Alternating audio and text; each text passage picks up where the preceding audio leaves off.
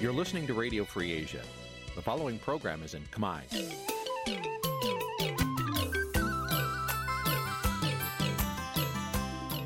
នេះជាកម្មវិធីផ្សាយ Vuthu Azizi Serai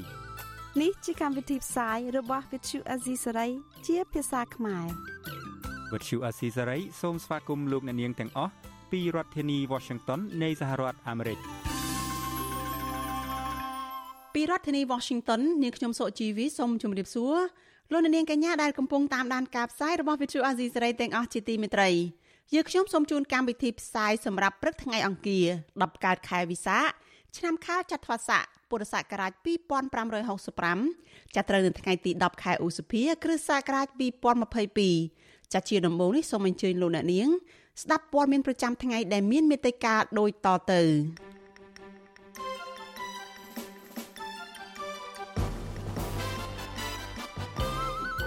គម្រោងខ្លំមើលសវនកម្មនៃមូលនិធិខ្លួននេះដើម្បីយុត្តិធម៌ជំរុញឲ្យកម្ពុជាកែតម្រង់ច្បាប់ជាបន្ទាន់ពាក់ព័ន្ធនឹងបទចោទញុះញង់រដ្ឋសភាកម្ពុជារិះគន់សហភាពអឺរ៉ុបថាមិនគោរពអធិបតេយ្យកម្ពុជានិងអនុម័តសេចក្តីសម្រេចដោយពុំបានផ្អែកលើការពិតអញ្ញាធននិងតុលាការបន្តធ្វើទុកបុកម្នេញបេក្ខជននិងសកម្មជនគណៈបកភ្លើងទៀនខណៈការបោះឆ្នោតកាន់តែខិតជិតមកដល់ កម្ពុជានាំអង្គទៅក្រៅប្រទេសកើនឡើងជិត15%តែពលរដ្ឋនៅតែត្អូញត្អែថាធ្វើស្រែខាតទុនរួមនឹងព័ត៌មានសំខាន់សំខាន់មួយចំនួនទៀតចាជាបន្តទៅទៀតនេះនាងខ្ញុំសុជីវីសូមជូនព័ត៌មានទាំងនេះពិស្ដា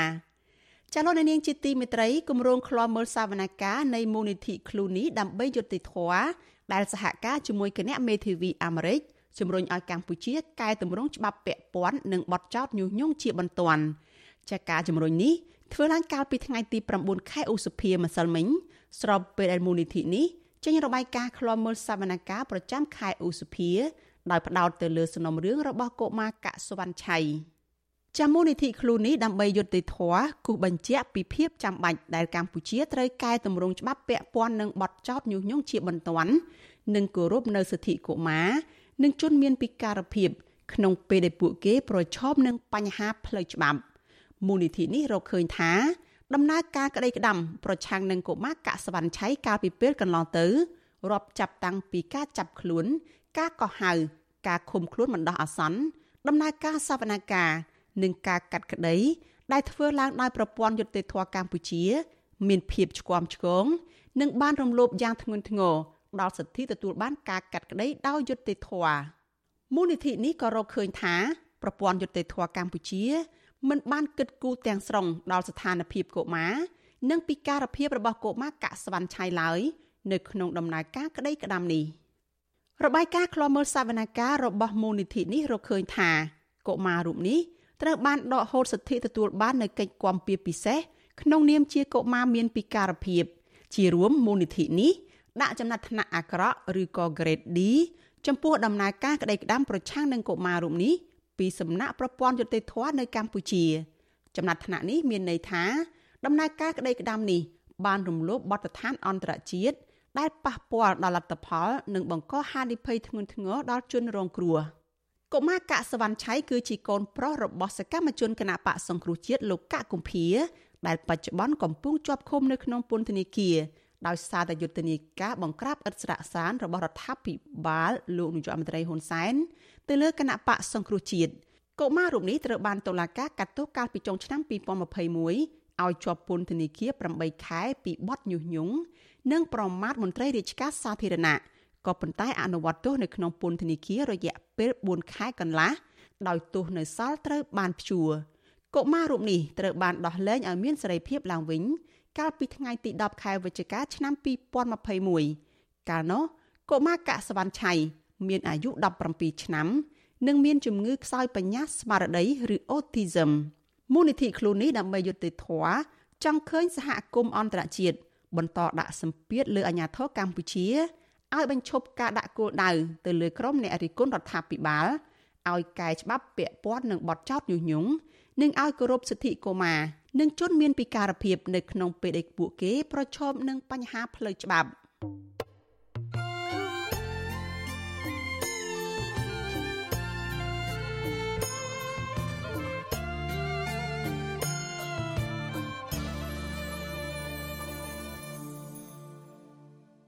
ាលោកនាងកញ្ញាប្រិយមិត្តជាទីមេត្រីចាព័ត៌មានតក តងនឹងការនាំចេញស្រូវអង្ករនិងជីវភាពរស់នៅរបស់កសិករវិញម្ដង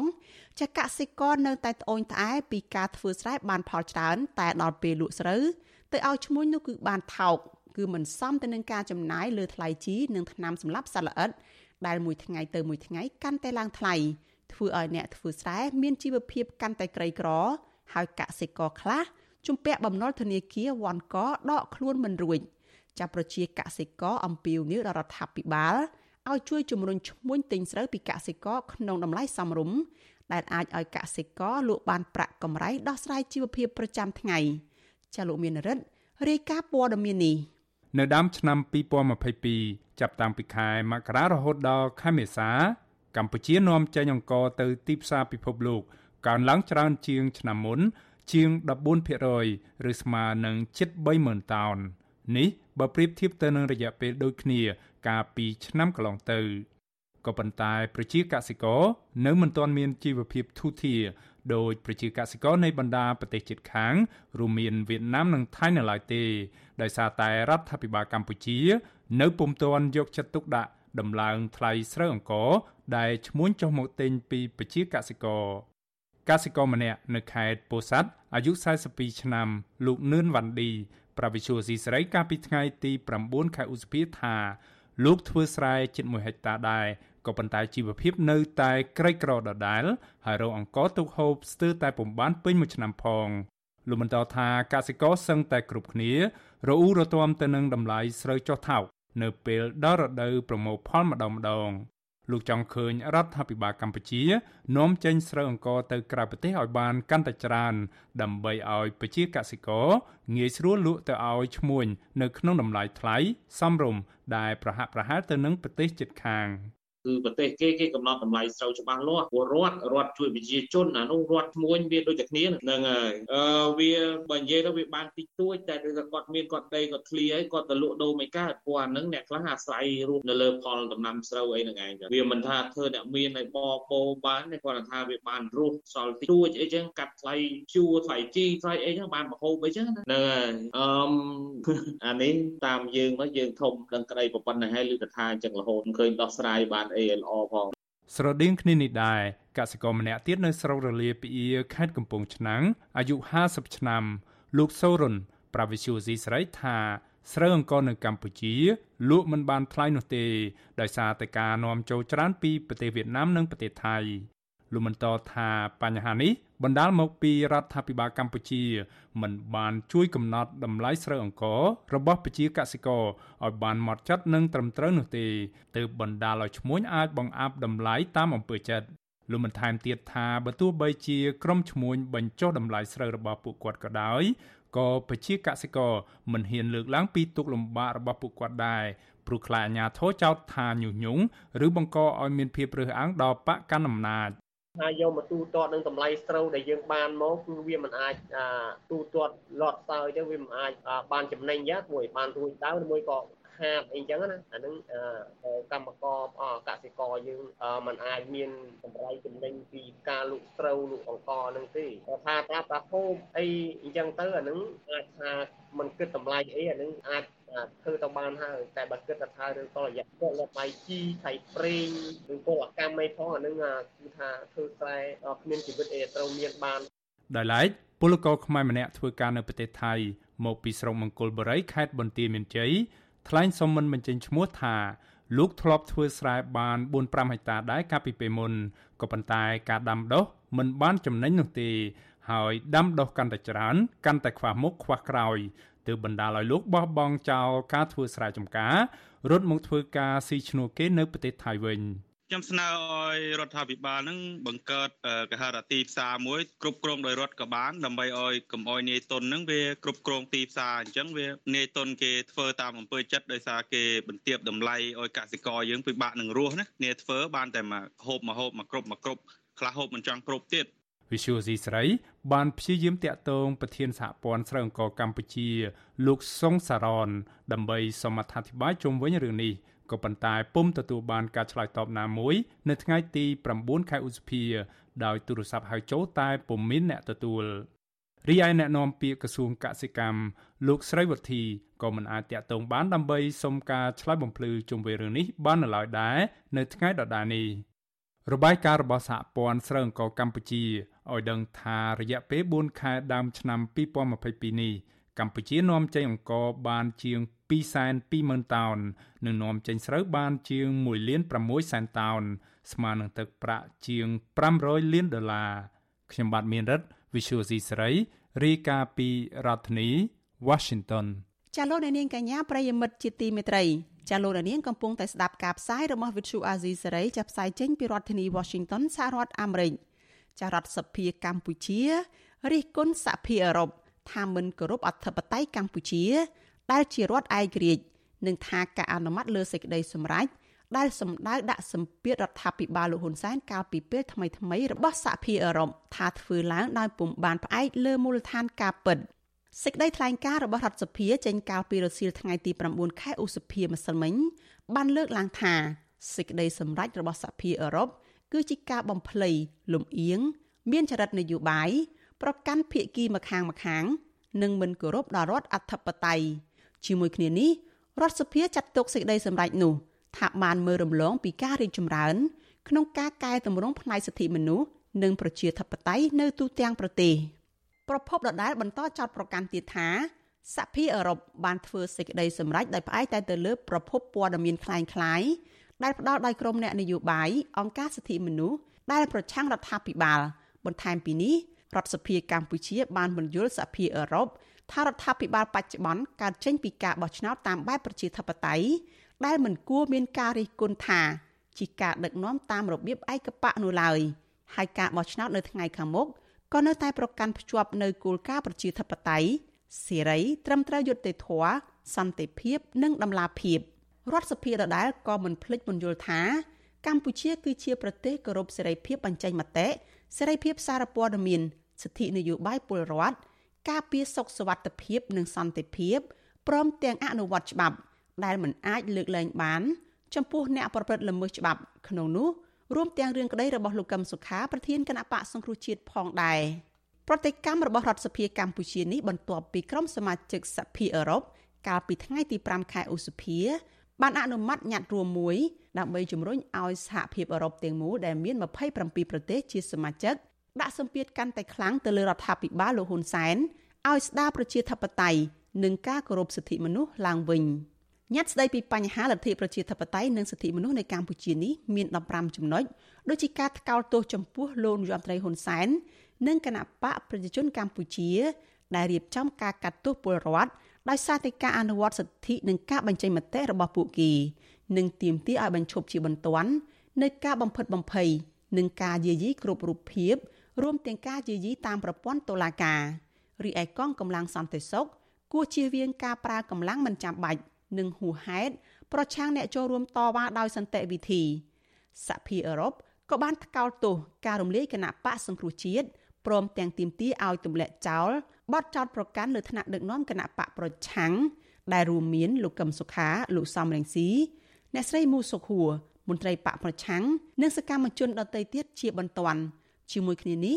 សហភាពអឺរ៉ុបក៏ទាមទារឲ្យអាជ្ញាធរកម្ពុជាត្រូវធានាថា រាល់ការចោទប្រកាន់អំពីអំពើឃាតកម្មត្រូវបានស៊ើបអង្កេតភ្លាមនិងមិនលំអៀងក្រៅពីនេះសមាជិកសភាអឺរ៉ុបក៏ព្រួយបារម្ភជាខ្លាំងខណៈដែលប្រទេសកម្ពុជាកំពុងរៀបចំការបោះឆ្នោតឃុំសង្កាត់នៅខែមិថុនាឆ្នាំ2022និងការបោះឆ្នោតជាតិនៅខែកក្កដាឆ្នាំ2023ដោយសារតែស្ថានភាពសិទ្ធិមនុស្សនិងលទ្ធិប្រជាធិបតេយ្យនៅកម្ពុជា បានដើរដល់ចំណុចវិបត្តិធ្ងន់ធ្ងរចាក្នុងន័យនេះ សហភាពអឺរ៉ុបអំពាវនាវឲ្យសហភាពអឺរ៉ុបទាំងមូលដាក់សម្ពាធកាន់តែខ្លាំងលើរដ្ឋាភិបាលលោកហ៊ុនសែនរួមទាំងការឈានទៅដល់ការផ្ជួសទាំងស្រុងនៅប្រព័ន្ធអនុគ្រោះពាណិជ្ជកម្ម EBA ប្រសិនបើរកឃើញថា ការបោះឆ្នោតខាងមុខនេះមានភាពអយុត្តិធម៌គឺដើម្បីផ្ដល់ការការពារទៅដល់សកម្មជននយោបាយនិងសិទ្ធិមនុស្សនិងគណៈបកនយោបាយដែលកំពុងតែតស៊ូឲ្យបើកលំហប្រជាធិបតេយ្យនិងការគោរពសិទ្ធិមនុស្សឡើងវិញ។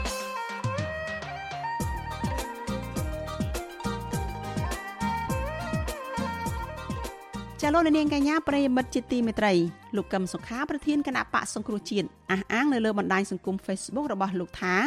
លោកបានជួបសន្ទនាជាមួយលោកនាយករដ្ឋមន្ត្រីហ៊ុនសែននៅក្នុងពិធីបុណ្យសពបងប្រុសបង្កើតរបស់លោកហ៊ុនសែនគឺលោកហ៊ុនណេងកាលពីថ្ងៃអាទិត្យចាស់ក្នុងជំនួបប្រមាណ4ម៉ោងនោះលោកកឹមសុខាអះអាងថាលោកបានជជែកជាមួយលោកហ៊ុនសែនអំពីបញ្ហាជាច្រើន ពិសេសគឺបញ្ហាប្រទេសជាតិ ចតាលោកកឹមសុខាបានជជែកអំពីបញ្ហាប្រទេសជាតិនោះបែបណាខ្លះជាមួយលោកហ៊ុនសែនតែការជជែករវាងអ្នកនយោបាយកម្ពុជាទាំងពីរនេះពិតជាអាចឈានទៅដល់ការផ្សះផ្សាជាតិឬដោះស្រាយការជាប់គាំងនយោបាយសពថ្ងៃនេះបានដែរឬទេចាលោកអ្នកនាងនៅបានស្ដាប់ការបកស្រាយទៅនឹងសំណួរទាំងនេះដោយផ្ទាល់នៅក្នុងនីតិវេទិកានៃស្ដាប់វិទ្យុអាស៊ីសេរីនៅយប់ថ្ងៃអង្គារទី10ខែឧសភានេះចាលោកអ្នកនាងក៏អាចសួរវាគ្មិនរបស់យើងឬក៏បញ្ចេញមតិយោបល់បាន ដោយលោកអ្នកនាងអាចដាក់លេខទូរស័ព្ទរបស់លោកអ្នកនាងនៅក្នុងខ្ទង់ comment របស់ Facebook ឬ YouTube របស់ Vithu Azizi Saray ចាស់ក្រុមការងាររបស់ Vithu Azizi Saray នឹងហៅទៅលោកអ្នកនាងវិញចាសសូមអរគុណ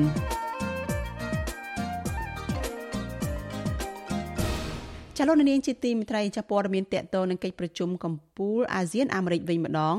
ចាក្រុមសមាជិកសភាអាស៊ានដើម្បីសិទ្ធិមនុស្សហៅកាត់ថា APHR ជំរុញឲ្យកិច្ចប្រជុំកំពូលពិសេសអាស៊ានអាមេរិក ផ្ដោតទៅលើបញ្ហាសិទ្ធិមនុស្សជាចម្បងចាការជំរុញនេះធ្វើឡើងស្របពេលដែលអាស៊ាននិងសហរដ្ឋអាមេរិកនឹងរៀបចំកិច្ចប្រជុំកំពូលពិសេសនៅរដ្ឋធានី Washington នៅថ្ងៃទី12ដល់ថ្ងៃទី13ខែឧសភានៅសប្តាហ៍នេះតំណាងរាស្ត្រប្រទេសម៉ាឡេស៊ីនិងជាប្រធានក្រុមសមាជិកសភាអាស៊ានដើម្បីសិទ្ធិមនុស្សលោក Charles Santiago ថ្លែងក្នុងសេចក្តីថ្លែងការណ៍ផ្សាយនៅថ្ងៃទី9ខែឧសភាថាលោកចង់ឃើញកិច្ចប្រជុំកំពូលពិសេសនេះ คล้ายជាឱកាសមួយសម្រាប់រដ្ឋាភិបាលសហរដ្ឋអាមេរិកនិងអាស៊ានចាប់ផ្ដើមដំណាក់កាលថ្មីមួយនៃទំនាក់ទំនងរបស់ពួកគេដើម្បីផ្ដល់អត្ថប្រយោជន៍ពិតប្រាកដទៅដល់ប្រជាជនលោកអំពីវនីវដល់ក្រុមមេដឹកនាំអាស៊ាននិងសហរដ្ឋអាមេរិកឲ្យលើកយកបញ្ហាគោរពសិទ្ធិមនុស្សនិងការបញ្ឈប់អំពើឃោរឃៅនៅប្រទេសមីយ៉ាន់ម៉ាឬក៏ភូមានិងនៅប្រទេសដទៃទៀតនៅក្នុងតំបន់អាស៊ានធ្វើជាបញ្ហាអតិភិបសម្រាប់កិច្ចប្រជុំកំពូលពិសេសនេះ លោកថាក្រុមមេដឹកនាំនៃកិច្ចប្រជុំកំពូលពិសេសនេះមិនអាចធ្វើមិនដឹងមិនលឺចំពោះការគម្រាមកំហែងដែលរបបសឹកយោធាភូមាកំពុងតែធ្វើឲ្យប៉ះពាល់ទៅដល់សន្តិសុខរបស់ប្រជាជនរាប់លាននាក់នៅក្នុងតំបន់អាស៊ីអាគ្នេយ៍ឡើយក្រុមសមាជិកសភាអាស៊ានដើម្បីសិទ្ធិមនុស្សស្នើឡើងថាក្រុមមេដឹកនាំអាស៊ាននិងអាមេរិកគួរចាត់វិធានការជាក់លាក់ដើម្បីដោះស្រាយបញ្ហាគម្រាមកំហែងដល់សន្តិភាព ការអភិវឌ្ឍសេដ្ឋកិច្ច និងសន្តិសុខមនុស្សនៅក្នុងតំបន់អាស៊ីអាគ្នេយ៍ដោយសារវិបត្តិនៅភូមា វិធានការទាំងនោះរួមមានដូចជា ការព្យួរសមាជិកភាពរបស់មីយ៉ាន់ម៉ាចេញពីតំបន់អាស៊ាន ការហាម5ក្រុមមេដឹកនាំរបបសឹកភូមាមិនឲ្យធ្វើដំណើរនៅក្នុងតំបន់អាស៊ាននិងការដាក់ទណ្ឌកម្មជាក់លាក់ប្រឆាំងនឹងក្រុមមេដឹកនាំរដ្ឋប្រហារខុសច្បាប់នៅភូមាចា APHR ក៏ជំរុញឲ្យរដ្ឋាភិបាលនៃបណ្ដាប្រទេសជាសមាជិកអាស៊ាន និងសហរដ្ឋអាមេរិក ជួបជាសាធារណៈជាមួយតំណាងរដ្ឋាភិបាលរួមរួមជាតិដែលជាតំណាងស្របច្បាប់របស់ប្រជាជនភូមាកាលពីខែមករាក្រុមអង្គការសង្គមស៊ីវិលនិងសមាគមពាក់ព័ន្ធនឹងកម្ពុជានិងភូមាប្រមាណជិត50ស្ថាប័នដែលមានមូលដ្ឋាននៅសហរដ្ឋអាមេរិកកាណាដានិងបារាំងបានសរសេរលិខិតចំហទៅប្រធានាធិបតីអាមេរិកគឺលោកโจ Biden ស្នើឲ្យកិច្ចប្រជុំកំពូលពិសេសនេះនាំមកនូវលទ្ធិប្រជាធិបតេយ្យពិតប្រាកដដល់ប្រទេសភូមានិងកម្ពុជា។ ពួកគេចង់ឃើញសហរដ្ឋអាមេរិកប្រកាសនៅមុនកិច្ចប្រជុំកំពូលពិសេសនេះមិនទទួលស្គាល់ការបោះឆ្នោតក្រុមប្រឹក្សាគុំសង្កាត់ឆ្នាំ2022និងការបោះឆ្នោតជាតិនៅក្នុងឆ្នាំ2023នៅកម្ពុជាផងដែរដោយសារតែការបោះឆ្នោតទាំងនេះមិនអាចធានាឲ្យបាននៅឱកាសនៃការផ្លាស់ប្ដូរដោយសេរីយុត្តិធម៌និងត្រឹមត្រូវនោះឡើយចាសហរដ្ឋអាមេរិក បានជ្រើសរើសយកក្រសួងការបរទេសនៅរដ្ឋធានី Washington ធ្វើជាកន្លែងរៀបចំកិច្ចប្រជុំកំពូលពិសេសអាស៊ានអាមេរិកនេះ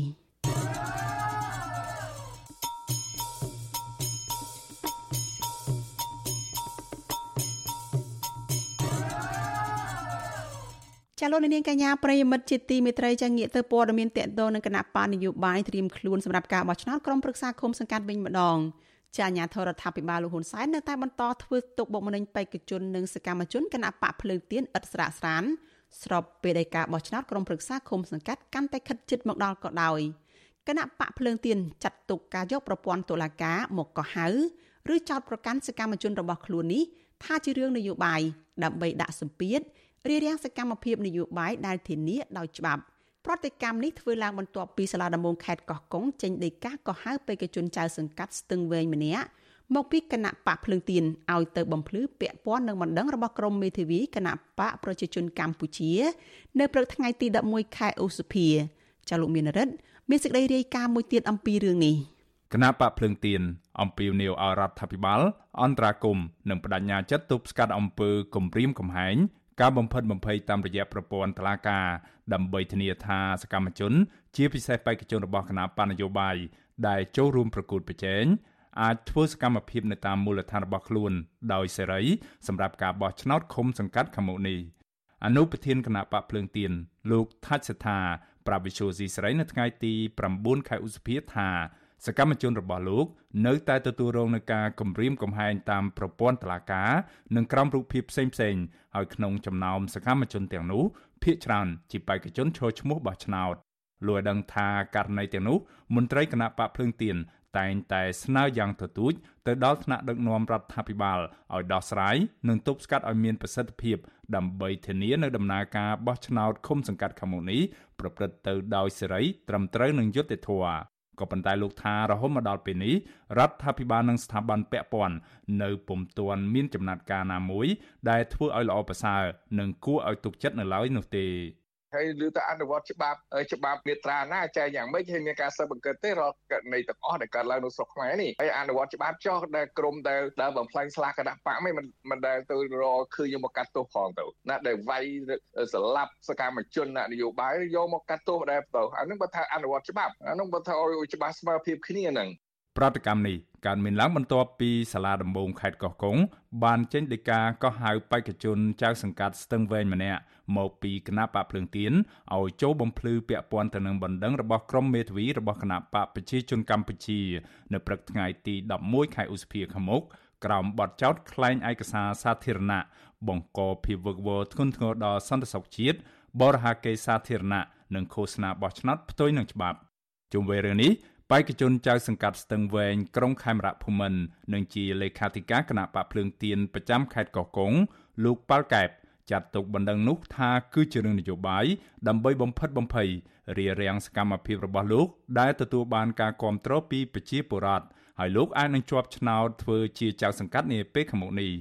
បេក្ខជនរូបនេះឲ្យដឹងថាលោកបានដាក់ពាក្យពន្យាពេលចូលឆ្លើយបំភ្លឺនៅតុលាការខេត្តរួចហើយ នៅព្រឹកថ្ងៃទី9ខែឧសភា បំភ័យមិនខ្លាចចាប់អារម្មណ៍ប្តឹងប្តឹងឲ្យចូលតុលាការហ្នឹងមានដល់រឿងស្ទះដល់រឿងសង្គមអីទេតែមិនដឹងយ៉ាងណាគេក៏ប្តឹងខ្ញុំអីក៏សាហាវម្លេះខូខើខ្លាំងណាស់បាត់ចោតនេះតែខ្ញុំនឹងប្រើសិទ្ធិស្របច្បាប់ដែលមាននៅក្នុងច្បាប់ដើម្បីការពារលើរឿងនេះខ្ញុំមិនទៅរត់ទឹកអីណាក៏ឃើញប៉ុណ្ណឹងខ្លាចរត់ចោលផ្ទះរត់ចោលបំបែងនេះទេឆ្លើយតបនឹងរឿងនេះព្រះរាជអាជ្ញារងតុលាការខេត្តកោះកុង លោកវៃភិរមប្រាវិសុវស៊ីស្រីថាការកោះហៅរបស់តុលាការគឺអនុវត្តតាមនីតិវិធីច្បាប់ហើយលោកអះអាងថាមិនជាប់ពាក់ព័ន្ធនឹងរឿងនយោបាយដោយតាមការលើកឡើងនោះទេ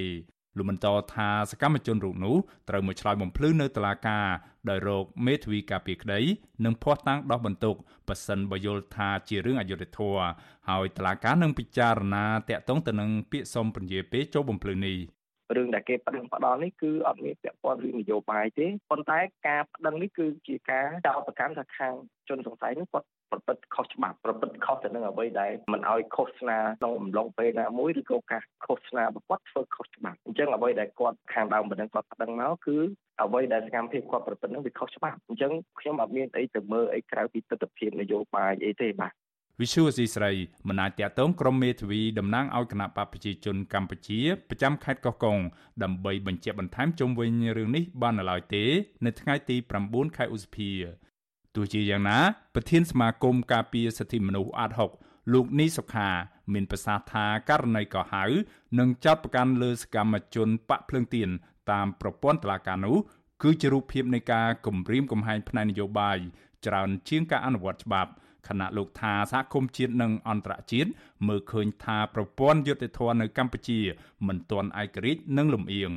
មន្ត្រីសង្គមសវរុកនេះយល់ថាប្រសិនបើបរិយាកាសបោះឆ្នោតនៅតែរដ្ឋបិទនិងគៀបសង្កត់លើដៃគូប្រកួតប្រជែងបែបនេះរដ្ឋាភិបាលនឹងទទួលរងនឹងការរិះគន់និងទណ្ឌកម្មពីសហគមន៍អន្តរជាតិដូច្នេះលោកស្នើដល់មេដឹកនាំនយោបាយត្រូវជជែកដោះស្រាយបញ្ហាជាមួយភាគីពាក់ព័ន្ធ ដើម្បីឲ្យការប្រកួតប្រជែងនៃការបោះឆ្នោតនេះប្រព្រឹត្តទៅដោយស្មើភាពនិងការពារផលប្រយោជន៍របស់ប្រជាពលរដ្ឋយើងគិតថាដើម្បីបង្កបរិយាកាសមុនការបោះឆ្នោតនេះដើម្បីឲ្យបរិយាកាសអាចធ្វើឲ្យគណៈបកនយោបាយប្រគួតប្រជែងគ្នាបានដោយសេរីដោយគ្មានការភ័យខ្លាចយើងគួរណាស់តែកុំប្រើប្រាស់នៅយន្តការមួយចំនួនពិសេសគឺថាប្រើប្រាស់នៅប្រព័ន្ធតុលាការនឹងក្នុងការធ្វើឲ្យមានការចោទប្រកាន់ការចាប់ខ្លួនឬក៏ការបំផិតបំភ័យតាមផ្លូវតុលាការនឹងក្នុងន័យជាអ្នកនយោបាយណាថ្មីថ្មីនេះក្រុមសមាជិកសភាអឺរ៉ុបបានបោះឆ្នោតអនុម័តញត្តិរួមមួយស្ដីពីដំណោះស្រាយបញ្ហាលទ្ធិប្រជាធិបតេយ្យនិងសិទ្ធិមនុស្សនៅកម្ពុជាសភាអឺរ៉ុបជំរុញឲ្យក្រុមប្រឹក្សាអឺរ៉ុបឃ្លាំមើលស្ថានភាពនៅកម្ពុជា ជាពិសេសការបោះឆ្នោតនាពេលខាងមុខនេះដើម្បីធានាថាគ្មានការរំលាយគណៈបកភ្លើងទៀនតាមវិធីដ៏គួរឲ្យអស់សំណើចដោយគណៈបកសង្គ្រោះជាតិនោះឡើយ។ ហើយត្រូវប្រើវិធានការទាំងអស់ដែលមានដូចជាការព្យួរទាំងស្រុងនៅប្រព័ន្ធអនុគ្រោះពន្ធពាណិជ្ជកម្ម EBA ប៉ះសិនបើរកឃើញថាការបោះឆ្នោតខាងមុខនេះមានភាពអយុត្តិធម៌នៅពេលដែលការបោះឆ្នោតជ្រើសរើសក្រុមប្រឹក្សាឃុំសង្កាត់កាន់តែខិតជិតមកដល់ទាំងលោកនាយរដ្ឋមន្ត្រីហ៊ុនសែននិងទាំងរដ្ឋមន្ត្រីក្រសួងមហាផ្ទៃ លោកសខេងសុទ្ធតែបានណែនាំឲ្យអាជ្ញាធរមានសមត្ថកិច្ចថ្នាក់ក្រោមត្រូវការពីសវត្ថភាពបេក្ខជនឈរឈ្មោះនិងបង្កបរិយាកាសឲ្យបានល្អជៀសវាងអំពើហិង្សាទាំងរាងកាយនិងពាក្យសម្ដីដើម្បីធានាឲ្យការបោះឆ្នោតខាងមុខនេះប្រព្រឹត្តទៅដោយសេរីត្រឹមត្រូវនិងយុត្តិធម៌ផ្ទុយទៅវិញសកម្មជនគណៈបកភ្លើងទៀនសរុបចំនួន5នាក់ហើយ ត្រូវបានអាជ្ញាធររដ្ឋាភិបាលរបស់លោកនាយរដ្ឋមន្ត្រីហ៊ុនសែនចាប់ខ្លួនដាក់ពន្ធនាគារខណៈសកម្មជនជិត10នាក់ទៀតត្រូវតឡាការកោះហៅឲ្យទៅឆ្លើយបំភ្លឺពាក់ព័ន្ធនឹងបទញុះញង់បទក្លែងឯកសារនិងបទរួមគំនិតក្បត់ជាដើមទន្ទឹមនឹងនេះមន្ត្រីគណៈបកនេះនៅខណ្ឌច្បារអំពើរាជធានីភ្នំពេញលោកជឿនសរឹមបានស្លាប់ដោយសារគ្រោះថ្នាក់ចរាចរណ៍ក៏ប៉ុន្តែគ្រួសារសង្ស័យថាជាប់ពាក់ព័ន្ធនឹងរឿងនយោបាយ ក្រៅពីនេះសកម្មជននិងបេក្ខជនបកនេះជាច្រើនអ្នកត្រូវបានអាជ្ញាធរនិងជនមិនស្គាល់មុខប៉ុនប៉ងធ្វើបាបដោយគប់ដុំថ្មចូលក្នុងផ្ទះនិងដេញធាក់ផ្ដួលម៉ូតូគំរាមកំហែងនិងរារាំងបេក្ខជនគណៈបកនេះគ្រប់រូបភាពខណៈគណៈបកនេះមានលទ្ធភាពអាចដាក់បេក្ខជនស្ទើរគ្រប់ឃុំសង្កាត់នៅទូទាំងប្រទេសដោយគណៈបកកណ្ដាលអំណាចនិងកំពុងធ្វើសកម្មភាពលេចធ្លោនៅតាមមូលដ្ឋាន ក្រុមអង្គការសង្គមស៊ីវិលនិងអ្នកសង្កេតការការបោះឆ្នោតវាតម្លៃថាប្រសិនបើបរិយាកាសនយោបាយនៅតែស្ថិតក្នុងភាពអាប់អួរបែបនេះនោះនឹងមិនអាចធានាបានថាការបោះឆ្នោតនាពេលខាងមុខនេះប្រព្រឹត្តទៅដោយសេរី ត្រឹមត្រូវនិងយុត្តិធម៌នោះទេខ្ញុំបាទមេរិត Visual C ស្រីរាយការណ៍ពីរដ្ឋធានី Washington ចលនានាងជាទីមេត្រីសេចក្តីរាយការណ៍ពីខេត្តបៃលិនឯណោះឲ្យដឹងថាតុលាការខេត្តនេះបានកោះហៅប្រធានគណៈបកភ្លើងទៀនខេត្តនេះឲ្យចូលទៅបំភ្លឺជាលើកទី2ពីបទចោទញុះញង់ឲ្យមានការរើសអើងចាមន្ត្រីសង្គមស៊ីវិលចាត់ទុករឿងនេះថាជាការគំរាមកំហែងដើម្បីបំបាក់ស្មារតីនយោបាយរបស់មន្ត្រីគណៈបកភ្លើងទៀននៅមុនការបោះឆ្នោតដែលកាន់តែខិតជិតចូលមកដល់ចាលោកយុនសាមៀនរាយការណ៍ព័ត៌មាននេះ តំណាងអัยការអមសាលាដំបងខេត្តបៃលិនបានកោះហៅប្រធានគណៈបកភ្លើងទៀនខេត្តបៃលិនលោកខមនីកុសលឲ្យចូលឆ្លើយបំភ្លឺជាលើកទី2នៅថ្ងៃទី11ខែឧសភាខាងមុខនេះតុលាការបានចោទប្រកាន់លោកពីបទញុះញង់ឲ្យមានការរើសអើងពាក់ព័ន្ធនឹងរឿងអតីតគ្រូពេទ្យរូបនេះបង្ហោះសារតាមបណ្ដាញសង្គម Facebook រិះគន់មន្ត្រីមួយចំនួនដែលចុះប្រចាំការនៅមជ្ឈមណ្ឌលចតាឡេសាក្នុងស្នាក់ការគណៈបកប្រជាជនកម្ពុជាខេត្តបៃលិនថា ពុំបានជួយការងារគ្រូពេទ្យបែរជានាំគ្នាមកអង្គុយលេង Facebook និងថតរូបបង្អួតគេឯងទៅវិញ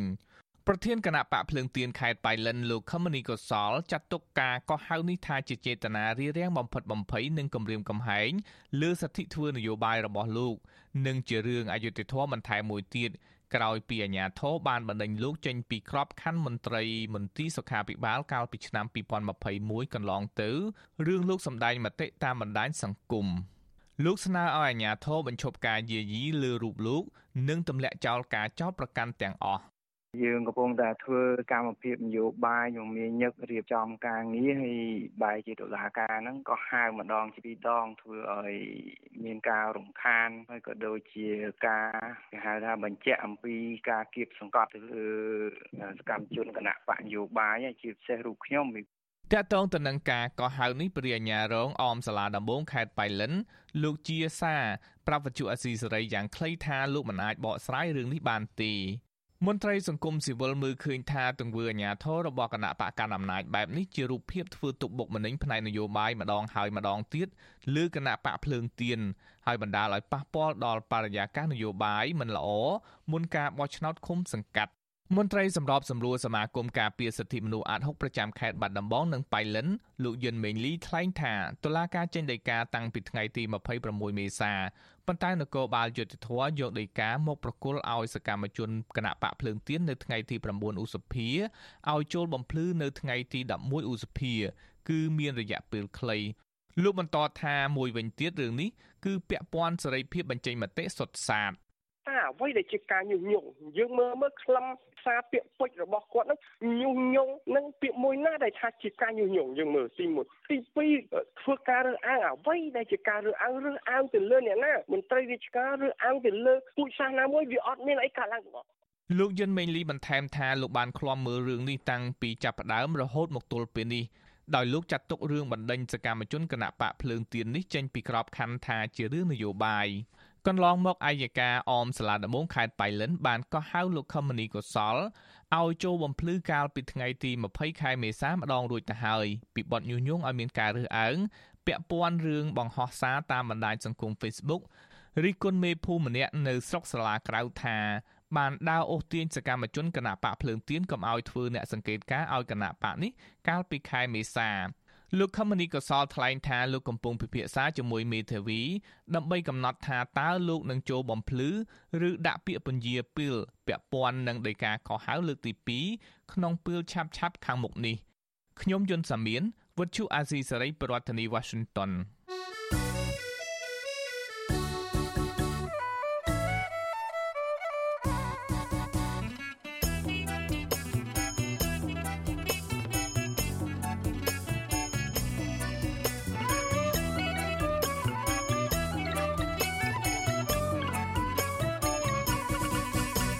ចាលោកនាងកញ្ញាប្រិយមិត្តជាទីមេត្រីលោកអ្នកកំពុងតែតាមដានការផ្សាយរបស់ Vithu Azizi សេរីចាប់ផ្សាយចេញពីរដ្ឋធានី Washington សហរដ្ឋអាមេរិកចាសកម្មជននយោបាយដែលមានវ័យចំណាស់មួយរូបគឺលោកគង់សំអាន បានតស៊ូដើម្បីបុព្វហេតុជាតិនិងផលប្រយោជន៍សង្គមអស់រយៈពេលរាប់សិបឆ្នាំមកហើយរហូតដល់ធ្លាក់ខ្លួនជាអ្នកទោសនយោបាយដែលកំពុងជាប់ឃុំនៅក្នុងពន្ធនាគារចាសទោះជាបែបនេះក្តីលោកមិនសោកស្ដាយចំពោះការតស៊ូលះបង់នាពេលកន្លងមកនោះឡើយ ហើយលោកនៅតែមានការបដិញ្ញាចិត្តបន្តជីវិតនយោបាយជាមួយគណៈបកប្រឆាំងដើម្បីស្ដារប្រជាធិបតេយ្យឡើងវិញចាតើលោកគង់សំអានមានប្រវត្តិយ៉ាងដូចម្ដេចចាសសូមអញ្ជើញលោកអ្នកនាងរងចាំស្ដាប់សេចក្តីរាយការណ៍ព័ត៌មាននេះនៅពេលបន្តិចទៀតនេះ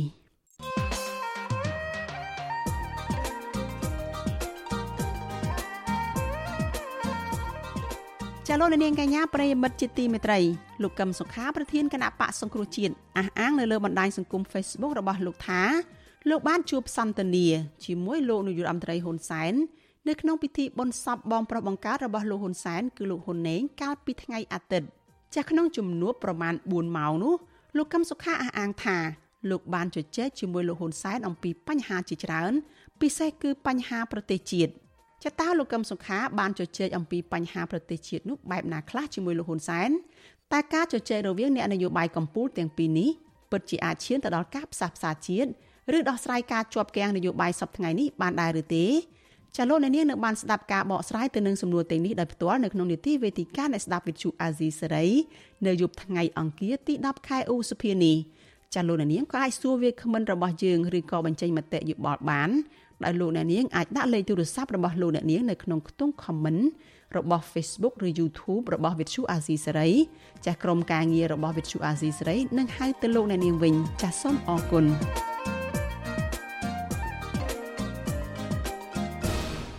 ចាលោកនាងកញ្ញាប្រិយមិត្តជាទីមេត្រីចាលោកអ្នកកំពុងតែស្ដាប់ការផ្សាយរបស់ Vithu Azizi Serai ចាពលរដ្ឋរស់នៅក្នុងខេត្តកំពង់ស្ពឺជិត1000នាក់កាលពីព្រឹកថ្ងៃទី9ខែឧសភាម្សិលមិញបានលើកគ្នាទៅតវ៉ានៅមុខក្រសួងដែនដីក្នុងរាជធានីភ្នំពេញដើម្បីទាមទាររដ្ឋាភិបាលនិងស្ថាប័នពាក់ព័ន្ធលុបចោលគម្រោងកាត់ជ្រឿដីព្រៃសហគមន៍មេតាធម្មជាតិទំហំជិត300ហិកតាប្រជាសហគមន៍ស៊ើបដឹងថាគម្រោងកាត់ជ្រឿដីព្រៃសហគមន៍នេះ គឺដើម្បីពុះដីលក់ចែកគ្នាជាសម្បត្តិបុគ្គលដោយក្រុមអ្នកមានឥទ្ធិពល គឺពុំមែនសម្រាប់ចែកជូនទីហ៊ាន និងពលរដ្ឋក្រីក្រពិតប្រាកដដោយការអះអាងរបស់អាជ្ញាធរនោះឡើយចាលូទីនសការីយ៉ារាយការណ៍អំពីរឿងនេះប្រជាសហគមន៍រស់នៅឃុំត្រពាំងជោស្រុកអូរ៉ាល់ប្រកាសចំហថានឹងបន្តទៀមទាដីព្រៃមេតាធម្មជាតិឬព្រៃសហគមន៍ឧត្តមច្រៃពោះដែលកំពុងទទួលរងការកាប់ឈើធំធំយ៉ាងកក្រឹកកក្រែងប៉ះពាល់សត្វព្រៃ និងជាកន្លែងគោរពសក្ការៈបែបព្រះពុទ្ធសាសនារបស់អ្នករសាសិលប្រជាសហគមន៍អះអាងថាព្រៃអភិរក្សមួយនេះទទួលរងការកាប់ឈើធំធំនិងឈូសឆាយព្រៃឲ្យคล้ายជាវាលអស់រាប់សិបហិកតា ជាង2ខែមកហើយក្រោយពីរដ្ឋាភិបាលចេញអនុក្រឹត្យកាត់ជ្រៀលដីព្រៃអភិរក្សនេះដើម្បីបែងចែកជូនគ្រួសារយោធិនង70តំណាងបរដ្ឋលោកសោយសាទថ្លែងក្នុងពេលតវ៉ានោះថាក្រសួងបានទទួលញត្តិពីពួកលោករួចហើយលោកបញ្ជាក់ថាខ្លឹមសារញត្តិនោះទាមទារអរដ្ឋាភិបាល ពន្លឿនផ្ដាល់ដំណោះស្រាយជាបន្ទាន់ករណីកាប់ឈើធំធំនិងឈូសឆាយដីព្រៃក្នុងតំបន់អភិរក្សនេះលោកបន្តថារហូតមកទល់ពេលនេះសកម្មភាពកាប់ឈើក្នុងព្រៃមេតាធម្មជាតិដែលសត្វព្រៃកំពុងរស់នៅផងនោះនៅតែបន្តកើតមានឥតឈប់ឈរបណ្ដាលឲ្យសត្វព្រៃជាច្រើនរួមមាន ស្វាខ្លាឃ្មុំទោចមកុដនិងក្ងោកជាដើម កំពុងប្រឈមនឹងការបាត់បង់ចម្រោក លោកទទូចឲ្យលោកនាយរដ្ឋមន្ត្រីហ៊ុនសែនពិនិត្យពីគម្រោងផ្ដាល់ដីសម្បត្តិសេដ្ឋកិច្ចមួយនេះព្រោះមន្ត្រីយោធាមួយចំនួនកំពុងផូតកុហកថ្នាក់ដឹកនាំដើម្បីច្បាមយកដីព្រៃអភិរក្សលក់ចាយគ្នា អញ្ចឹងបានថាសូមអង្វរចិត្តថាឈប់ទៅឈប់កាប់បំផ្លាញទៀតទៅទុកជាសម្បត្តិជាតិទេហើយប្រជាពលរដ្ឋសហគមន៍ខ្ញុំមិនចង់បានជាឯកជនទេទុកនេះទីសក្ការៈវត្តទុកជាដីរបស់សហគមន៍ពេលបំផ្លាញទៅយំអាចចែកហើយបានពេលនេះខ្ញុំបានរួចផុតអំពីការយំហើយអ្វីដែលខ្ញុំធ្វើនេះធ្វើដើម្បីឲ្យសម្ដេចដឹងថាអញ្ញាធរដីអត់មានស្រឡាញ់សម្ដេចទេមិនធ្វើទៅតាមអនុសាសន៍សម្ដេចទេមិនទៅធ្វើតាមគោលការណ៍នៃច្បាប់ទេតំណាងបរដ្ឋរូបនេះនិយាយថាកន្លងទៅ រដ្ឋាភិបាលបានចេញអនុក្រឹត្យកាត់ជ្រៀលដីព្រៃមេតាធម្មជាតិទំហំ78ហិកតាដើម្បីផ្ដល់ដីសម្បត្តិសង្គមគិច្ចចែកជូនគ្រួសារកងទ័ពប៉ុន្តែធៀបពិតពុំដូច្នោះទេលោកបញ្ជាក់ថាដីដែលកាត់ជ្រៀលទាំងនោះបែរខ្លាយជាកម្មសិទ្ធិរបស់មេតាហាន2នាក់ទៅវិញលោកបារម្ភថាបើសិនជាអាញាធិបពញាពេលមិនសង្គ្រោះព្រៃធម្មជាតិនេះទេដើមឈើធំធំនឹងបាត់បង់ទាំងស្រុងព្រោះជារៀងរាល់ថ្ងៃមានគោយន្តដឹកឈើយ៉ាងតិច30គ្រឿង តំណាងបរិបម្នាក់ទៀតគឺលោកស្រីខនខនថ្លែងក្នុងពេលតវ៉ាដែរថាប្រិយសហគមន៍នេះជាប្រិយបន្សល់ចុងក្រោយគេក្នុងតំបន់ដែលលោកស្រីរស់នៅដែលអ្នកភូមិតែងតែរកអនុផលព្រៃឈើរត់ថ្នាំបុរាណខ្វៀលគោក្របី និងទស្សនាសត្វព្រៃជាដើម។ សត្វព្រៃក៏មានក្នុងនឹងឲ្យពួកខ្ញុំនឹងម៉ែប្រូរោបលែហូបទោះបីជាផ្សិតអីរលក់រដូរក្នុងនឹងបានចាំជីវិតបានរាល់ឆ្នាំដែរម្ល៉េះស្រ័យផលបានម្ល៉េះពួកខ្ញុំខំការពារទាំងអស់រាល់គ្នានឹងទុកឲ្យមានចំនួនក្រោយមើលមានតែប៉ុណ្ណឹងព្រៃនោះនៅក្នុងគុំប៉ាំងជូមានតែប៉ុណ្ណឹងគាត់វិទ្យុអាស៊ីសេរីមិនអាចតាក់ទងអ្នកនាំពាក្យក្រសួងដែនដីនគររូបនីយកម្មនិងសំណង់លោកសេងលូតដើម្បីសួរអំពីបញ្ហានេះបាននៅឡើយទេនៅថ្ងៃទី9ឧសភាប៉ុន្តែអភិបាលខេត្តកំពង់ស្ពឺលោកវីសំណាង មានប្រសាសន៍ថា ជំវិញនឹងការលើកឡើងរបស់ពលរដ្ឋលោកបានស្នើទៅថ្នាក់ដឹកនាំរដ្ឋាភិបាលតាមបែបបទរដ្ឋបាលរួចហើយប៉ុន្តែលទ្ធផលយ៉ាងណានោះជាសិទ្ធិសម្រេចរបស់រដ្ឋាភិបាល លោកថាបំណងរបស់លោកគឺចង់ទុកព្រៃនៅតំបន់នេះឲ្យគង់វង្សដែរហើយប្រសិនបើមានបទល្មើសព្រៃឈើព្រះសង្ឃនិងប្រជាសហគមន៍គួរតែផ្ដាល់ដំណឹងនេះប្រាប់អាជ្ញាធរមានសមត្ថកិច្ចឲ្យចោះទប់ស្កាត់ជាបន្ទាន់លោកបញ្ជាក់ថាសកម្មភាពកាប់ឈើនៅតំបន់នោះពុំមែនជាគោលគំនិតរបស់អាជ្ញាធរនោះឡើយ។ ខ្ញុំក៏ចង់ទុកដូចគ្នាដែរហត់អីទេអាហ្នឹងគំនិតតែមួយឯងចាំមើលថ្នាក់ដឹកនាំគាត់យ៉ាងម៉េចអីយ៉ាងម៉េចទៀតខ្ញុំបានរីកាទៅហើយហើយ គឺចង់ពីវនាវទៅដល់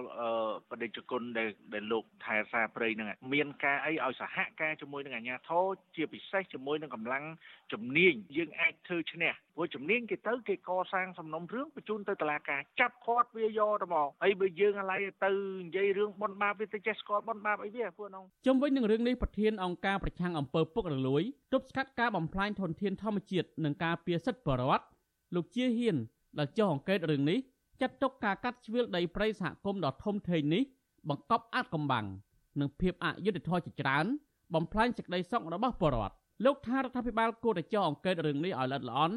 ដោយយុត្តិធម៌និងតម្លាភាពព្រោះមេទាហានខ្លះកំពុងតែប្រើល្បិចអាក្រក់ទទួលប្រយោជន៍ពីគម្រោងនេះ បាទចង់ឲ្យរដ្ឋាភិបាលធ្វើបច្ចុប្បន្នភាពលើទីតាំងដីទាំងនោះឡើងវិញក្នុងករណីរកឃើញថាពួកគេលក់ត្រូវដកហូតទុកជាសម្បត្តិរដ្ឋវិញបាទព្រោះលបែងដែលរៀបដីរដ្ឋលក់នេះគឺជាលបែងថោកបំផុតសម្រាប់មន្ត្រីខលខូចថ្នាក់ក្រោមបាទព្រៃមេតាធម្មជាតិគឺជាផ្នែកមួយនៃចម្រុះសត្វព្រៃភ្នំអរ៉ាល់ហើយត្រូវបានចុះបញ្ជីទទួលស្គាល់ជាព្រៃអភិរក្សពីក្រសួងបរិស្ថានកាលពីឆ្នាំ2002មក ព្រៃសហគមន៍មួយនេះមានផ្ទៃដីប្រមាណជា2000ហិកតាប៉ុន្តែបច្ចុប្បន្នកាន់តែរួមតូចនៅសល់តែជាង800ហិកតាប៉ុណ្ណោះដោយសារតែមានការរំលោភបំពានយកជាបន្តបន្ទាប់ពីក្រុមហ៊ុនឯកជននិងឈ្មួញខិលខូចមួយចំនួនព្រៃសហគមន៍នេះមានសត្វព្រៃចម្រុះជាច្រើនប្រភេទរស់នៅរួមមានទោចស្វាក្ងោកមាន់ព្រៃឆ្លុះក្តាន់និងស្វាយជាដើមប្រជាសហគមន៍បន្ថែមថាក្នុងពេលបរិវត្តជាង700នាក់លើកគ្នាតវ៉ាពុំមានប៉ះទង្គិចដោយហិង្សា ពីសំណាក់អាជ្ញាធរមានសមត្ថកិច្ចនោះឡើយហើយក្រុមបរិវត្តបានវិលត្រឡប់ទៅលំនៅឋានវិញជាបន្តបន្ទាប់នៅថ្ងៃដដែលនេះខ្ញុំធីនសាការីយ៉ាអស៊ីសេរីប្រធានីវ៉ាស៊ីនតោន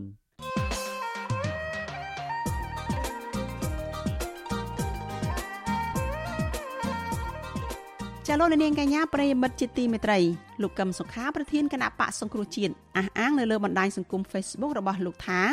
លោកបានជួបសន្ទនាជាមួយលោកនាយករដ្ឋមន្ត្រីហ៊ុនសែននៅក្នុងពិធីបុណ្យសពបងប្រុសបង្កើតរបស់លោកហ៊ុនសែនគឺលោកហ៊ុនណេងកាលពីថ្ងៃអាទិត្យចាស់ក្នុងជំនួបប្រមាណ4ម៉ោងនោះលោកកឹមសុខាអះអាងថាលោកបានជជែកជាមួយលោកហ៊ុនសែនអំពីបញ្ហាជាច្រើន ពិសេសគឺបញ្ហាប្រទេសជាតិចតាលោកកឹមសុខាបានជជែកអំពីបញ្ហាប្រទេសជាតិនោះបែបណាខ្លះជាមួយលោកហ៊ុនសែនតែការជជែករវាងអ្នកនយោបាយកម្ពុជាទាំងពីរនេះពិតជាអាចឈានទៅដល់ការផ្សះផ្សាជាតិ ឬដោះស្រាយការជាប់គាំងនយោបាយសពថ្ងៃនេះបានដែរឬទេចាលោកអ្នកនាងនៅបានស្ដាប់ការបកស្រាយទៅនឹងសំណួរទាំងនេះដោយផ្ទាល់នៅក្នុងនីតិវេទិកានៃស្ដាប់វិទ្យុអាស៊ីសេរីនៅយប់ថ្ងៃអង្គារទី10ខែឧសភានេះចាលោកអ្នកនាងក៏អាចសួរវាគ្មិនរបស់យើងឬក៏បញ្ចេញមតិយោបល់បានដោយលោកអ្នកនាងអាចដាក់លេខទូរស័ព្ទរបស់លោកអ្នកនាងនៅក្នុងខ្ទង់ comment របស់ Facebook ឬ YouTube របស់ Vithu Azizi Serai ចាស់ក្រុមការងាររបស់ Vithu Azizi Serai នឹងហៅទៅលោកអ្នកនាងវិញចាស់សូមអរគុណ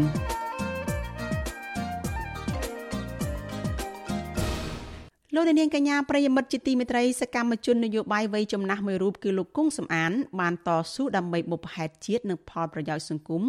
អស់រយៈពេលរាប់សិបឆ្នាំមកហើយរហូតដល់ធ្លាក់ខ្លួនទៅជាអ្នកទោសនយោបាយដែលកំពុងជាប់ឃុំក្នុងពន្ធនាគារចាទោះជាបែបនេះក្តីលោកមិនបានសោកស្ដាយចំពោះការតស៊ូលះបង់នាពេលកន្លងមកនោះឡើយហើយលោកនៅតែមានការបដិញ្ញាចិត្តបន្តជីវិតនយោបាយជាមួយគណៈបកប្រឆាំង ដើម្បីស្ដារលទ្ធិប្រជាធិបតេយ្យឡើងវិញចាតើលោកគង់សំអានមានប្រវត្តិយ៉ាងដូចម្ដេចចាសសូមស្ដាប់សេចក្តីរាយការណ៍អំពីរឿងនេះរបស់លោកយ៉ងច័ន្ទដារាសមាជិកគណៈបកសង្គ្រោះជាតិនៅខេត្តត្បូងឃ្មុំលោកគង់សំអាន គឺជាមនុស្សស្លូតបូតចេះជួយអ្នកដទៃស្នេហាជាតិនិងចង់បានលទ្ធិប្រជាធិបតេយ្យពិតប្រាកដនេះបើតាមការអះអាងពីប្រពន្ធរបស់លោកគឺលោកស្រីអៀបសួរលោកស្រីឲ្យដឹងថា លោកគង់សំអាន គឺជាអតីតគ្រូបង្រៀនបឋមសិក្សាដែលទទួលបានការគោរពស្រឡាញ់ពីប្រជាពលរដ្ឋនៅក្នុងមូលដ្ឋានលោកស្រីបញ្ជាក់ថាប្តីលោកស្រីមិនដែលមានចំនួនជាមួយនរណានោះទេហើយគាត់បានចំណាយពេលវេលាច្រើននៅក្នុងការងារអប់រំនិងការងារសង្គមផ្សេងផ្សេងទៀតកូនសិស្សណាដែលគាត់បានរៀនជាមួយគាត់កូនសិស្សនោះគេអាណិតស្រឡាញ់គេអាសូរគាត់ណាមកគួរណាមកចាប់កន្លែងគង់សម្អានគ្រូគាត់ស្លូតបោត កូនសិស្សគេនិយាយចឹងលោកស្រីបន្តថាលោកគង់សំអានមិនដែលគិតប្រយោជន៍ផ្ទាល់ខ្លួននោះទេ តែផ្ទុយទៅវិញលោកតែងតែខ្វាយខ្វល់ផលប្រយោជន៍រួមជាធំ ជាពិសេសលោកស្អប់អំពើអយុត្តិធម៌សង្គមលោកស្រីបន្តទៀតថាដោយសារតែបែបនេះហើយទើបប្តីលោកស្រីតែងតែចូលរួមនៅក្នុងយុទ្ធនាការផ្សេងផ្សេងដែលគ្រប់គ្រងដល់អ្នកស្រឡាញ់ប្រទេសជាតិនិងប្រជាធិបតេយ្យលោកគង់សំអាន មានអាយុ70ឆ្នាំនិងមានដើមកំណើតនៅខេត្តព្រៃវែង លោកគឺជាសមាជិកក្រុមប្រឹក្សាស្រុកមេមត់ជាប់ឆ្នោតនៃគណៈបកសង្គ្រោះជាតិលោកមានកូនចំនួន2នាក់ស្រីទាំងពីរដោយកូនច្បងមានអាយុ31ឆ្នាំនិងកូនទី2មានអាយុ16ឆ្នាំលោកមានចំណេះដឹងផ្នែកភាសាអង់គ្លេសនិងភាសាបារាំងទាំងសរសេរនិងអាន អញ្ញាធរបានចាប់ខ្លួនលោកកុងសំអានកាលពីដើមខែកញ្ញាឆ្នាំ2020ពាក់ព័ន្ធនឹងការចូលរួមទាមទារឲ្យដោះលែងអ្នកការពារសិទ្ធិមនុស្សលោករងឈុនអញ្ញាធរបានចោទប្រកាន់នឹងផ្ដន់ទោសលោកដាក់ពន្ធនាគាររយៈពេល20ខែពីបទញុះញង់ឲ្យមានភាពវឹកវរធ្ងន់ធ្ងរដល់សន្តិសុខសង្គមដោយគ្នាទៅនឹងក្រុមយុវជនខ្មែរថាវរៈដែរតែតុលាការតម្រូវឲ្យលោកជាប់ឃុំចំនួន14ខែហើយទោសដែលនៅសល់ត្រូវព្យួរ ទោះជាយ៉ាងណាអាជ្ញាធរមិនបានដោះលែងលោកនោះទេនៅពេលលោកជាប់ឃុំគ្រប់ចំនួនកំណត់ពីព្រោះលោកជាប់ទោសនៅក្នុងសំណុំរឿងមួយផ្សេងទៀតនៅឯតុលាការខេត្តត្បូងឃ្មុំតុលាការខេត្តនេះបានកាត់ទោសលោកគង់សំអានដាក់ពន្ធនាគារចំនួន7ឆ្នាំពីបទរួមគំនិតក្បត់ពាក់ព័ន្ធទៅនឹងការគ្រប់គ្រងដំណើរមាតុភូមិនិវត្តរបស់ប្រធានស្ដីទីគណៈបកសង្គ្រោះជាតិលោកសំរងស៊ីកាលពីថ្ងៃទី9វិច្ឆិកាឆ្នាំ2019សំណុំរឿងនេះមានជនជាប់ចោតសរុប7នាក់ ក៏ប៉ុន្តែមានតែលោកគង់សំអានតែម្នាក់ប៉ុណ្ណោះដែលកំពុងជាប់ឃុំខណៈអ្នកផ្សេងទៀតបានរត់ភៀសខ្លួនទៅក្រៅប្រទេសឬត្រូវបានដោះលែងនៅក្រៅឃុំជាដើមលោកស្រីអេបសួរមានប្រសាសន៍ថាប្តីលោកស្រីបានដឹងខ្លួនច្បាស់ថាគេនឹងចាប់ខ្លួនគាត់ពីព្រោះកន្លងទៅឃើញមានអ្នកតាមដានខ្លំមើលជាហោហែក៏ប៉ុន្តែគាត់មិនដែលមានក្តីបារម្ភនោះទេដោយសារអ្វីអ្វីដែលគាត់បានធ្វើនាពេលកន្លងទៅនោះគឺដើម្បីជួយដល់ប្រជាពលរដ្ឋរងគ្រោះ លោកស្រីរិះគន់ការចាប់ខ្លួននិងការផ្ដន់ទោសប្តីលោកស្រីកន្លងមកនេះថាជារឿងអយុត្តិធម៌សម្រាប់អ្នកស្នេហាជាតិគាត់និយាយប្រាប់ខ្ញុំហើយប្រាប់កូនកូនថាថ្ងៃណាមួយគេចាប់ខ្ញុំទៅហើយប៉ុន្តែខ្ញុំអត់អីទេពួកអីខ្ញុំខុសអត់មានខុសអីកណាបន្តិចទេរឿងអីមកចាប់គាត់ដល់ពេលគេមកចាប់ទៅគេឲ្យទៅបំភ្លឺមិនមែនទៅចាប់ប្រមងទេដីកាក៏គ្មានទីបញ្ចាប់យកគាត់ទៅដាក់ពន្ធនាគារ សមាជិកគណៈបកភ្លើងទៀនប្រចាំខេត្តត្បូងឃ្មុំលោកស៊ូយៀនថ្លែងថាលោកធ្លាប់បានធ្វើការងារជាមួយនឹងលោកគង់សំអាន តាំងពីនៅគណៈបកសំរងស៊ីរហូតមកដល់គណៈបកសង្គ្រោះជាតិដែលត្រូវបានរដ្ឋាភិបាលរំលាយចោលលោកឲ្យដឹងថាលោកគង់សំអាន គឺជាមនុស្សម្នាក់ដែលគួរឲ្យគោរពនិងឧស្សាហ៍ជួយអ្នកដទៃអតីតអ្នកទោសនយោបាយរូបនេះរិះគន់ថាតុលាការមិនគួរចោទប្រកាន់លោកគង់សំអាន ទាំងអយុត្តិធម៌បែបនេះឡើយវាជារឿងនយោបាយហើយមិនគួរបកកាន់អំណាចទាំងយក ដៃគូប្រកួតនឹងទៅចាប់ដាក់ពន្ធនាគារមកធ្វើជាចំណាប់បាំងហើយគួនដោយសុកលើកំណត់ទុកអ្នកដទៃយើងអត់ចង់បានអញ្ចឹងទេយើងចង់ឲ្យជាគីខ្មែរនិងខ្មែរចេះដោះស្រាយបញ្ហាកុំយកខ្មែរនិងខ្មែរគ្នាឯងធ្វើជាចំណាប់បាំងឆ្លើយតបរឿងនេះអ្នកនាំពាក្យរដ្ឋាភិបាលលោកផៃស៊ីផានថ្លែងការពីចំណាត់ការរបស់អាជ្ញាធរលើសកម្មជននយោបាយបកប្រឆាំងនាពេលកន្លងទៅនោះថាជាការអនុវត្តច្បាប់ លោកអះអាងថាការងារធ្វើនយោបាយគ្មាននរណាហាមឃាត់នោះទេប្រសិនបើបុគ្គលនោះប្រព្រឹត្តដោយបានត្រឹមត្រូវនិងមិនប៉ះពាល់ដល់អ្នកដទៃការធ្វើនយោបាយសេរីនៅលើនេះយើងកុំបំពានច្បាប់កុំទៅវាយប្រហារតែប៉ះពាល់ដល់គេដល់អីចឹងទៅគឺទៅនយោបាយទៅមានតែគេបាច់ចំហបាទផ្ទុយពីការបកស្រាយរបស់តំណាងរដ្ឋាភិបាលនេះមន្ត្រីអង្គការសង្គមស៊ីវិលពិនិត្យឃើញថា ការចោទប្រកាន់និងផ្ដន់ទោសលោកគង់សំអាននោះមិនមែនជាការអនុវត្តច្បាប់ដោយត្រឹមត្រូវឡើយអ្នកនាំពាក្យសមាគមការពារសិទ្ធិមនុស្សអាត់ហុកលោកសឹងសែនករណាមើលឃើញថាចំណាត់ការលើលោកគង់សំអាននេះគឺជាការបំបិទសិទ្ធិនយោបាយលោកបន្តថានេះជាសំណុំរឿងនយោបាយដែលអាជ្ញាធរកម្ពុជាកំពុងតែប្រើប្រាស់ប្រព័ន្ធតុលាការដើម្បីធ្វើទុកបុកម្នេញលើអ្នកគ្រប់គ្រងបកប្រឆាំងលោកបន្តថាការសម្រេចរបស់តុលាការមិនស្របតាមច្បាប់នោះទេ ពីព្រោះលោកគង់សំអាន គឺជាអ្នកនយោបាយដែលអនុវត្តទូនាទីស្របតាមរដ្ឋធម្មនុញ្ញថ្នាក់ដឹកនាំនយោបាយក៏ដូចជាគណៈបកកណ្ដាលអំណាចដែលដឹកនាំរដ្ឋាភិបាលគួរតែធ្វើការពិនិត្យនិងកែប្រែស្ថានភាពនេះពីស្ថានភាពតានតឹងដែលរងការរិះគន់ពីសហគមន៍ជាតិអន្តរជាតិហ្នឹងក៏គួរតែធ្វើការបើកនៅលំហសិទ្ធិសេរីភាពផ្នែកនយោបាយក៏ដូចជាការគោរពសិទ្ធិមនុស្សនឹងឡើងវិញផងដែរ គិតត្រឹមដើមខែឧសភាឆ្នាំ2022នេះលោកគង់សំអានបានជាប់ឃុំក្នុងពន្ធនាគារព្រៃសរអស់រយៈពេលប្រមាណ20ខែហើយហើយលោកត្រូវបន្តជាប់ឃុំតទៅទៀតដោយសារតែតុលាការកំពូលកាលពីពេលថ្មីៗនេះបានបដិសេធបណ្ដឹងសារទុករបស់លោកប្រឆាំងនឹងសេចក្តីសម្រេចរបស់តុលាការថ្នាក់ក្រោមការតវ៉ាតាមផ្លូវតុលាការរបស់លោកគង់សំអានហាក់មិនបានផលអ្វីនោះទេហើយក៏ទំនងជាអស់ផ្លូវតទៅទៀតដែរក្រោយពីមានសាលដីកាពីតុលាការកំពូល ទោះជាបែបនេះក្តីប្រពន្ធរបស់លោកគឺលោកស្រីអៀបសួរនៅតែស្នើយ៉ាងទទូចដល់អាជ្ញាធរឲ្យដោះលែងប្តីលោកស្រីឲ្យមានសេរីភាពវិញពីព្រោះគាត់មិនបានប្រព្រឹត្តកំហុសអ្វីនោះឡើយលោកស្រីបន្តថាការធ្វើនយោបាយរបស់លោកគង់សំអានគឺធ្វើដោយឆន្ទៈស្រឡាញ់យុត្តិធម៌សង្គមមិនមែនការស្អប់បុគ្គលណាម្នាក់នោះទេខ្ញុំសូមឲ្យតុលាការកំពូលអាណិតមេត្តាជួយដោះលែងប្តីខ្ញុំទៅ កុំយកដេកាពីក្រមមកលើអញ្ចឹងអត់អមមើលទេសូមមេត្តាដោះលែងប្តីខ្ញុំទៅប្តីខ្ញុំអត់ខុសទេលោកស្រីអៀបសួរមានប្រសាសន៍បន្ថែមថាគ្រួសារព្រួយបារម្ភជាខ្លាំងចំពោះសុខទុក្ខរបស់លោកគង់សំអាននៅក្នុងពន្ធនាគារពីព្រោះលោកមានវ័យកាន់តែចាស់និងមានជំងឺប្រចាំកាយផងក៏ប៉ុន្តែសម្រាប់លោកគង់សំអានឯណោះវិញលោកនៅតែរក្សាជំហរមិនចោះញោមនិងចង់បន្តការងារជាប្រយោជន៍ដល់សង្គមជាតិតទៅទៀត លោកស្រីបញ្ជាក់ថានៅពេលចេញពីពន្ធនាគារវិញលោកគង់សំអាននឹងបន្តជីវភាពនយោបាយជាមួយគណៈបកប្រឆាំងតទៅទៀតដើម្បីចូលរួមស្ដារលទ្ធិប្រជាធិបតេយ្យនៅកម្ពុជាឲ្យរស់ឡើងវិញខ្ញុំយ៉ងច័ន្ទដារាវិទ្យុអាស៊ីសេរីរាយការណ៍ពីរដ្ឋធានី Washington thank you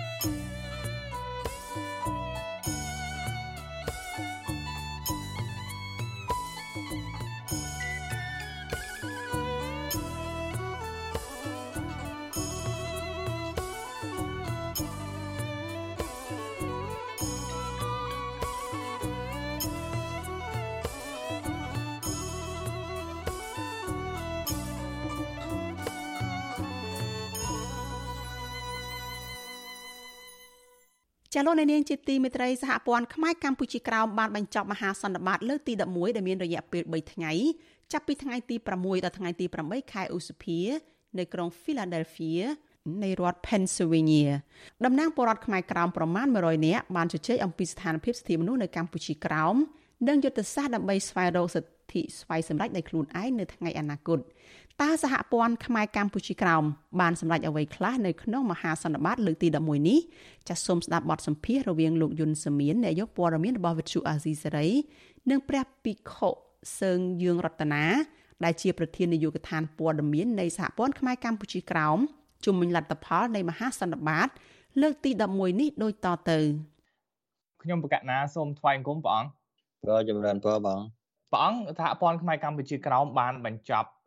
មហាសន្និបាតលើកទី11ដែលមានរយៈពេល3ថ្ងៃហើយតើមហាសន្និបាតលើកទី11នេះបានសម្រេចអ្វីខ្លះដែរព្រះអង្គក៏ចំណុចសំខាន់នៃមហាសន្និបាតរបស់សហព័ន្ធខ្មែរកម្ពុជាក្រមលើកទី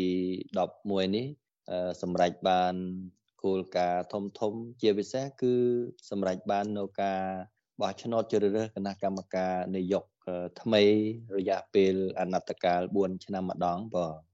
ការសម្រេចបោះឆ្នោតជ្រើសរើសសមាជិកគណៈកម្មការនយោបាយហើយនិងប្រធានប្រតិបត្តិសហព័ន្ធថ្មីហ្នឹងក៏ជ្រើសរើសឡើងវិញ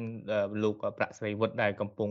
ជាប្រធានស្ដាប់ទៅហើយនោះហេតុអីបានជាគណៈកម្មការនយោបាយសម្រាប់ជ្រើសរើសប្រធានចាស់ឲ្យបន្តដំណើរបងអង្គជាលទ្ធិប្រជាធិបតេយ្យក៏ទោះបីអាណត្តិ ទី2នេះគឺលោកប្រាក់ស្រីវិទ្យដែលជាប្រធានប្រតិបត្តិជាប់ថ្មីមែនប៉ុន្តែជាការបោះឆ្នោតក៏ព្រះអង្គរំពឹងថាលោកប្រាក់សេរីវុឌ្ឍនឹងដឹកនាំសហព័ន្ធយ៉ាងណាដែរនៅក្នុងអាណត្តិ4ឆ្នាំបន្តទៀតនេះព្រះអង្គក៏ជាគោលការណ៍របស់សហព័ន្ធខ្មែរកម្ពុជាក្រមនឹងគឺដឹកនាំដោយគណៈកម្មការនយោបាយស្ថាប័នរបស់សហព័ន្ធខ្មែរកម្ពុជាក្រមទោះបីមានស្ថាប័នខុសៗគ្នាក្តីដូចជា លោកអធិបតីប្រធានប្រតិបត្តិប្រធានសភាតំណាងហើយនិងប្រធានសភាព្រឹទ្ធាចារ្យក៏ដូចជាតាមស្ថាប័នផ្សេងផ្សេងហ្នឹងប៉ុន្តែសម្រាប់គោលការណ៍អ្វីមួយហ្នឹងគឺនៅលើគណៈកម្មការនយោបាយអញ្ចឹងទៅលោកប្រធានប្រតិបត្តិនៃសហព័ន្ធខ្មែរកម្ពុជាក្រមថ្មីក៏ដូចជាបន្តនៅអាណត្តិកាលទី2នេះដឹកនាំ សហព័ន្ធខ្មែរកម្ពុជាក្រមមានការរីចម្រើនហើយនឹងយុទ្ធសាស្ត្រថ្មីថ្មីដើម្បីការទំនាក់ទំនងដល់សហគមន៍អន្តរជាតិរយៈពេលមួយអាណត្តិចាស់ហ្នឹងគឺយើងឃើញថាមានសមិទ្ធផលហើយនឹងសម្រេចបាននៅគោលជំហរក៏ដូចជានៃការផ្សព្វផ្សាយក៏ដូចជាយុទ្ធសាស្ត្រសំខាន់សំខាន់ហ្នឹងមានច្រើនចំណុចផង ព្រះអង្គតើប្រធានប្រតិបត្តិនិងគណៈកម្មការនយោបាយថ្មីនឹងមានយុទ្ធសាស្ត្រអ្វីខ្លះដែរសម្រាប់រយៈពេល4ឆ្នាំបន្តទៅទៀតនេះតាមការសម្រេចរបស់គណៈកម្មការនយោបាយថ្មីអនតកាលថ្មីនេះគឺយើងនៅតែបន្តនៅផែនការចាស់មួយចំនួនដែលយើងធ្វើ4ឆ្នាំកន្លងហើយហ្នឹងគឺនៅសល់សេះសល់ខ្លះហ្នឹងយើងនឹងបន្តយុទ្ធសាស្ត្រនឹងបន្ថែមទៀត ហើយនឹងយើងមានយុទ្ធសាស្ត្រជាច្រើនចំណុចទៀតដូចជាចំណុចធំហ្នឹងគឺយើងនៅតែបន្តការតំណាក់តំណងជាមួយនឹងសហគមន៍អន្តរជាតិដើម្បីឲ្យសហគមន៍អន្តរជាតិហ្នឹងគឺស្គាល់ខ្មែរក្រមជានរណាដើម្បីឲ្យសហគមន៍អន្តរជាតិហ្នឹងជួយ ទៅដល់បរដ្ឋខ្មែរក្រមជាពិសេសគឺជួយអន្តរាគមដែលនៅពេលដែលរដ្ឋាភិបាលវៀតណាមនឹងធ្វើទុកបុកម្នេញទៅដល់បរដ្ឋខ្មែរក្រមនៅលើទឹកដីកម្ពុជាក្រមនឹងហើយយុទ្ធសាស្ត្រសំខាន់មួយទៀតហ្នឹងគឺយើងនឹងបន្តនៅការស្វែងយល់ការស្វែងរកនិងការសិក្សារៀនសូត្រអំពី ច្បាប់ចិនជាតិដើមក៏ដូចជាច្បាប់សម្រាប់វាសនាខ្លួនដោយខ្លួនឯងក៏ពីប្រទេសដែលទើបតែឯករាជ្យដែលប្រទេសទើបតែទទួលបាននៅស្វ័យយ័តខ្លួនឯងនឹងមួយទៀតព្រះអង្គតើនៅក្នុងទស្សនៈផ្ទាល់ខ្លួនរបស់ព្រះអង្គនឹងតើព្រះអង្គស្វែងយល់ថាការដែលស្វែងរកសិទ្ធិស្វ័យសម្រេចដោយខ្លួនឯងរបស់ខ្មែរក្រមនឹងអាចធ្វើទៅបានដែរទេព្រះអង្គ បើតាមច្បាប់អន្តរជាតិហ្នឹងគឺសម្រេចបានបើប្រថាយើងឃើញប្រទេសជាច្រើនមួយចំនួននៅលើពិភពលោកហ្នឹងគឺពួកគេសម្រេចវាសនាខ្លួនដោយខ្លួនឯងបានក៏ដូច្នេះអាត្មាយល់ឃើញថាសហព័ន្ធខ្មែរកម្ពុជាក្រមហ្នឹងគឺតស៊ូនៃសិទ្ធិសម្រេចវាសនាខ្លួនដោយខ្លួនឯងហ្នឹងគឺអាត្មាភាពនឹងសង្ឃឹមហើយនឹងជឿជាក់ថានឹងបានសម្រេចជោគជ័យនៅពេលវេលាណាមួយដែល ស្របទៅតាមច្បាប់អន្តរជាតិនឹងក៏ហើយស្វែងរកនៅសិទ្ធជូនដល់ប្រជារដ្ឋខ្មែរនៅលើទឹកដីកម្ពុជាក្រមគឺអាត្មាភាពនឹងជឿជាក់ច្បាស់ថានឹងបានសិទ្ធសម្រាប់វាសនាខ្លួនដោយខ្លួនឯងក៏ខ្ញុំកណាបានទៅចូលរួមដែរនៅមហាសន្និបាតលើកទី11នៅ Florida ផ្ជាក្នុងកណាសង្កេតឃើញមានប្រជាពលរដ្ឋខ្មែរកម្ពុជាក្រោមជាច្រើនដែលបានចូលរួមក្នុងមហាសន្និបាតនោះមកពីគ្រប់ទិសទីប្រទេសមួយចំនួននៅលើពិភពលោកនេះ តើការចូលរួមរបស់តំណាងខ្មែរក្រោមដូចនេះតើមានអត្ថន័យយ៉ាងណាដែរចំពោះសហព័ន្ធក៏ចំពោះខ្មែរកម្ពុជាក្រោមក៏ជាការបង្ហាញនៃការសាមគ្គីភាពយ៉ាងស្អិតរមួតទៅបី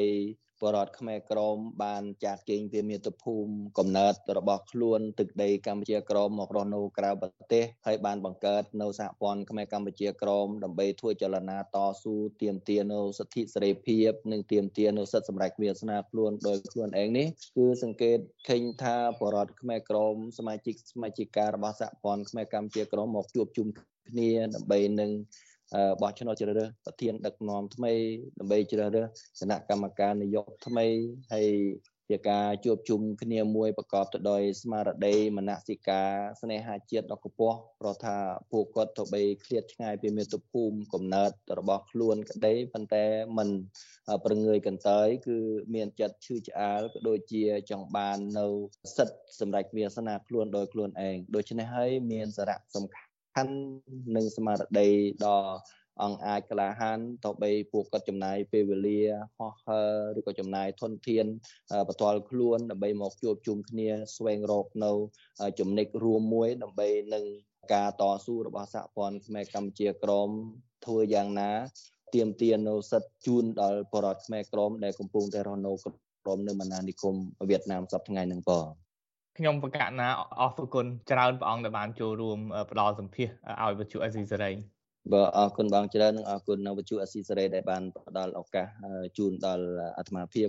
ចាលោកនាងជាទីមេត្រីលោកអ្នកទើបតែបានស្ដាប់បទសម្ភាសរបស់លោកយុនសមៀននាយកព័ត៌មានរបស់វិទ្យុអាស៊ីសេរីនិងព្រះភិក្ខុសឿងយើងរតនាចាប្រធាននាយកដ្ឋានព័ត៌មាននៃសហព័ន្ធខ្មែរកម្ពុជាក្រោមជុំវិញលទ្ធផលនៃមហាសន្និបាតលើកទី11របស់សហព័ន្ធខ្មែរកម្ពុជាក្រោម